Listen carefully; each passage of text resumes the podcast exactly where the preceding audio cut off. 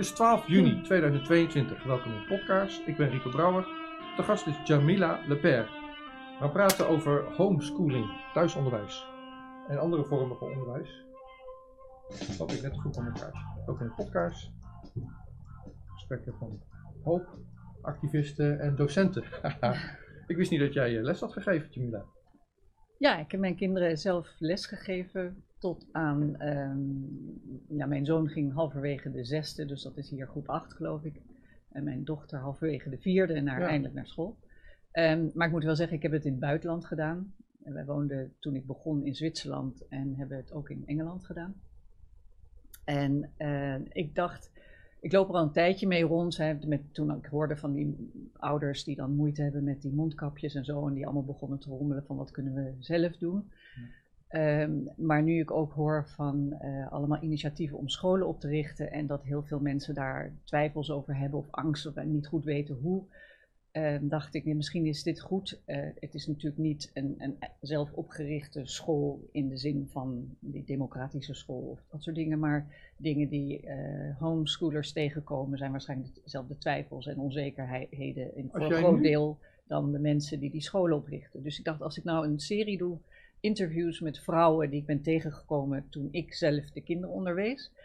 Die hebben het allemaal anders gedaan. Eh, Ze hebben ook allemaal, een heeft vijf kinderen, de ander heeft één kind, ander heeft.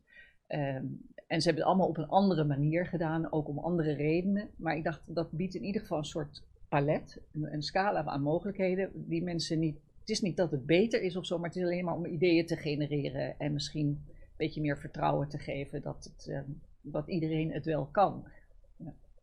Ja, nou ja, ik weet niet of iedereen het kan, maar dat is laagdrempeliger dan je van jezelf denkt. Je, je twijfelt of jij het wel kan. En je kan Nou het ja, ik denk dat elke eh, oprecht ehm kindliefhebbende ouder zelf zijn kind het beste kent. We kwamen erop omdat ik in het voorbespreken zei ik tegen jou net, als nu die coronacrisis of zo'n lockdown situatie met scholen dicht en, en verplichte afstand houden en al die flauwekulmaatregelen die niet helpen, nou ja, maar daar gaat het niet over. Maar als je nu die isolatie oplegt aan kinderen, die eenzaamheid, dan zou ik ze niet zomaar naar een school sturen. Met de kennis van nu, dat ik gezien heb hoe dat dan gaat. Kinderen zitten eenzaam achter een computer terwijl ze eh, moeten spelen of zo met elkaar. Ehm, nou, daarom ga ik praten met de democratische school. Ik ga praten met de mensen die eh, vanuit Forum van Democratie school, die andere scholen willen maken. En jij gaat praten met mensen die homeschooling hebben gedaan. Ja. Maar dit is dan een vraag aan jou. Stel dat je nu. Jonge moeder was met twee kleine kinderen en je, en je moest zoeken naar een. Zou je in, in, in Nederland, zoals af, na, met de kennis van de afgelopen twee jaar, zou jij nu met gelijkgestemden een schooltje beginnen of zou je homeschooling doen? Ehm, eh, dat ligt een beetje aan de leeftijd van de kinderen. De- Als het jonge kinderen waren, dan zou ik homeschool doen. Ehm, want jonge kinderen leren heel snel. Ik bedoel, eh, kinderen leren sowieso overal en altijd. Hè. Dat was de titel die we eigenlijk aan die serie, ben ik helemaal vergeten te zeggen. Maar kinderen leren overal en altijd. Dat is de Eh, titel. Ja, oké. Ja, en ehm, eh, ja, dat je op een gegeven moment begint academische materialen te geven, ja, maar ze leren toch wel. Ehm, wat was je vraag? Nou, of je het met elkaar samen liever zou doen en een Maar- eigen schooltje beginnen. Een beetje. Eh, Forum die gaat dat nu doen. Die, die roept ouders, dus ouders bij elkaar en beginnen zo'n school. Of dat je zegt, nee, homeschooling werkt veel handiger. Ja, nou ja, als de kinderen al gewend zijn naar school te gaan en, en daar voorkeur, eh, ook als ze ouder zijn. hè, Ik merkte het als mijn kinderen zo rond de, toen ze negen werden, werd hun sociale behoefte duidelijk. Ehm, dus dan zou ik samen een school oprichten. Maar daarvoor eh, zou ik gewoon homeschoolen. Maar dat, dat is, ja, nogmaals, dat, Jouw dat, ervaring. dat nu. Eh, Wij, wij spraken met elkaar en Hm. eh, we kwamen erop uit dat jij een serie interviews gaat maken. Nou, Ja. vertel maar aan eh, de camera, wat ga jij doen? Nou, ik ga dus verschillende vrouwen interviewen. Ik moet wel zeggen, ze- het is dus allemaal buitenlands. Het is in het Engels. Ehm, want ik woonde in het buitenland en ik heb al die vrouwen dus in Zwitserland en in Engeland ontmoet. En die zijn sindsdien ook weer uitgevlogen. Dus Terry Craigly, die we als eerste gaan interviewen, ehm, die heb ik in Zwitserland ontmoet. Maar zij is naar eh, Nieuw-Zeeland geëmigreerd. Zij had al, eh, ze was er nog nooit geweest, maar ze had een hele erge drang om daar te gaan wonen. En ik weet nog dat we allemaal discussies hadden, maar hoezo? Dan zou je niet eerst eens een keer gewoon met vakantie gaan. Nee, als ze ging, ging ze permanent en ze woont er nog steeds. Ehm, maar eh, van haar heb ik dus uh, het, überhaupt het hele idee homeschoolen meegekregen, want ik wist het niet, ik, ik kende het helemaal niet. Ehm, en om redenen van mijn zoon ben ik dat toen ook gaan doen. Maar er zijn ook anderen die, die zijn naar Amerika verhuisd. we gaan mensen in Ierland, in Engeland gaan we allemaal interviewen. En die hebben het allemaal anders gedaan. Die hebben allemaal andere kinderen, allemaal reden, andere redenen om het te doen. En ik uh, wil het alleen maar aanbieden als scala van mogelijkheden. Het is niet uh, zo moet je het doen, want het ligt gewoon aan je kind. Het hangt van je kind af. Het ene kind wil per se naar school. Mijn, mijn dochter had ook een fase. Um, toen ze acht was, wilde ze per se naar school, want ze was gewoon nieuwsgierig hoe dat was. Nou, Toen is ze gegaan en na twee maanden was ze klaar, had ze het gezien en wilde weer naar huis. Ja, nou, dat is een goede leerervaring dan. Ja, dus toen kwam ze weer naar huis. Um, ja, dus het is gewoon echt meer als bedoeld van kijk en, en uh, twijfel niet te veel aan jezelf. Uh, we zijn allemaal gaan, we zijn door dat schoolsysteem gegaan en dat is een groot uh, handicap. Omdat je dan alleen maar vanuit dat systeem denkt en denkt we moeten die en die dingen dan en dan doorlopen. Hè? Als je acht bent moet je dit kunnen en als je negen ja. bent dat. Maar niet elk kind leert hetzelfde. een van de vrouwen die ik zal interviewen heeft bijvoorbeeld een zoon Um, ja, en ik dacht toen ook van, oh jee, oh jee, die las maar niet. He, dus die werd negen, die werd tien en die las niet. En, um, maar ineens, hij was twaalf. En ineens las hij zulke dikke boeken, achter elkaar. Dus ja, elk kind heeft zijn eigen dingen. En het, de kunst, denk ik, is om je geen zorgen te maken. Die kinderen leren toch. Het is zo in de mens om te willen leren. Er is, alleen, er is iets mis als iemand niet wil leren. Dan is hij gedemotiveerd of... Ja, dat is mijn verwijt, of zo in ieder geval mijn observatie als ouder met kinderen die uit school komen. Met, met lesmateriaal waar ze niet in geïnteresseerd zijn op dat moment. Nee. En een, kind dat je, ja, dat zit in het curriculum. Je, we gaan nu dus leren lezen en schrijven. En als het kind daar niet aan toe is, ja. dan maak je al eerder dingen stuk dan dat je hem wat bijbrengt. Ja.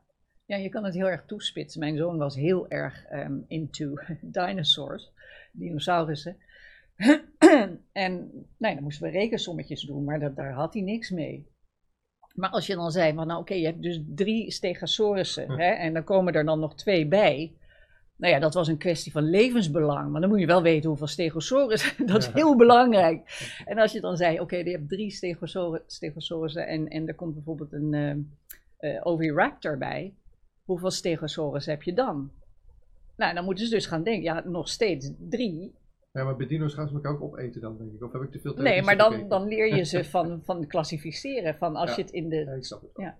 Dus en het, ja, het wordt okay. heel speels. En je wordt als ouder ook hyper alert en creatief. Want alles ga je zien van, oh, dat is een goed iets om dat mee te, uit te leggen. Of, uh...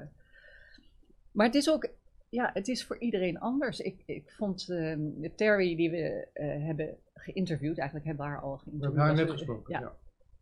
Die, heeft het, die was lerares en die heeft het vrij um, schools gedaan. Hè? Die had echt lesjes en zo. Ja, en een schooluniform gekocht voor de kinderen. Dus ja. als je je kleren aan hebt, dan zijn we in school. Ook al is ja. het aan de eettafel of zo. Ja, um, dat heb ik niet gedaan. Um, maar ik heb dat ook geprobeerd, lesjes. Maar ik vond altijd ik kwam erachter dat ik kon dat doen voor twee weken. Ik kon ongeveer twee weken plannen en dan werkte het helemaal niet meer. Dan, dan, dan, dan moest ik iets anders doen, moest ik andere dingen doen. En eh, dat mijn kinderen maakten ook sprongen. Dus je, je was dan die lesjes aan het volgen. En ineens kon je eigenlijk wel een paar lessen overslaan. Want dan, ja, ik weet niet, iets viel en dat hele concept was ineens begrepen. Dus dan kon je gewoon. Ja. En um, ja, een van de dingen die ik vooral nu eh, wil, wil meegeven, is wat ik constateerde, is als de kinderen ziek werden, en dan moesten ze hoge koorts hebben, dat is een paar keer gebeurd hè, bij allebei, dan hadden ze 39, 40 koorts. En dan hadden we dan een programmaatje voor de komende week of twee weken. Maar als ze beter waren, dan waren ze heel veel stappen verder, cognitief. En nou, dat gebeurt één keer en dan denk je, nou ja, goed. Maar het gebeurde steeds. Dus ik dacht, ja, er is iets met ziekte wat, wat, waar je cognitief dus volwassener van wordt. En ik denk dat is, ja, iemand moet dat onderzoeken. Ik heb het zelf nog niet uh, kunnen vinden dat er materiaal over is. Maar, uh, maar zo ontdek je heel veel dingen door je kinderen, van hoe leren kinderen nou eigenlijk. En um, ja, ik, er is heel veel te vertellen. Maar nou ja, en door de verhalen die jij gaat maken met mensen overal in de wereld, gaan we leren hoe het in die landen werkt en wat hun ervaringen zijn. Ja. Ik zou willen leren of die kinderen, dit wil ik je dan meegeven, of die kinderen blij zijn na afloop of niet. Iedereen heeft wel uh, leuke herinneringen en slechte herinneringen aan hoe die is, uh, op, op, school is geweest. Dus wat, Ja. wat is de herinnering van deze kinderen? En van ouders, want ik zie je erover praten met een grote glimlach. Dus uh, jij, jij kijkt er gelukkig op terug. Ja. Uh, maar er zijn vast ook dingen dat je, dat, je, dat je met je hoofd tegen de muur loopt. Hoe los ik dit nou weer op? En dan ben je in je eentje zonder bagage. Ja, ik denk dat het ook goed te realiseren is voor als ze jong zijn, hè, zeg maar de hele lagere schoolleeftijd. Als je, um, iedereen heeft het over thuisonderwijs. Nou, wij waren heel weinig thuis.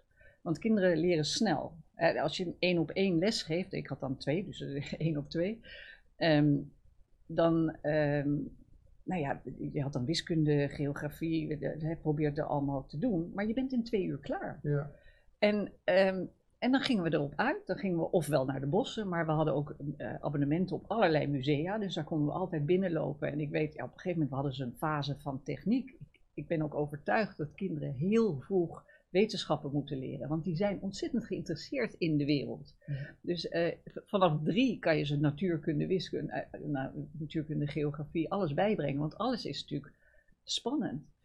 Um, maar we zaten bijna dagelijks in Technorama. Dat is een museum zoals vroeger Evoluon en nu Nemo, geloof ik. Um, ja, daar waren ze niet weg te slaan. Dus gingen we maar weer naar, naar Technorama, waar ze allemaal interactieve dingen konden doen. Waar je chocola zelf kon maken, waar je microscopen tot je beschikking had. Of, ja, we hebben zoveel gedaan. En, en dat sociale wil ik ook benadrukken. Daar kan je ook weer groepen voor vormen. Wij waren lid van een heleboel verschillende homeschoolgroepen. Vooral in Engeland. In Zwitserland was er één voor het hele land. En dan had je gewoon je eigen lokale connecties waar je dan uh, mee ging. Maar we hadden nationaal een sportdag één keer per jaar. We hadden een, summer, een, een camp, homeschool camp van een week.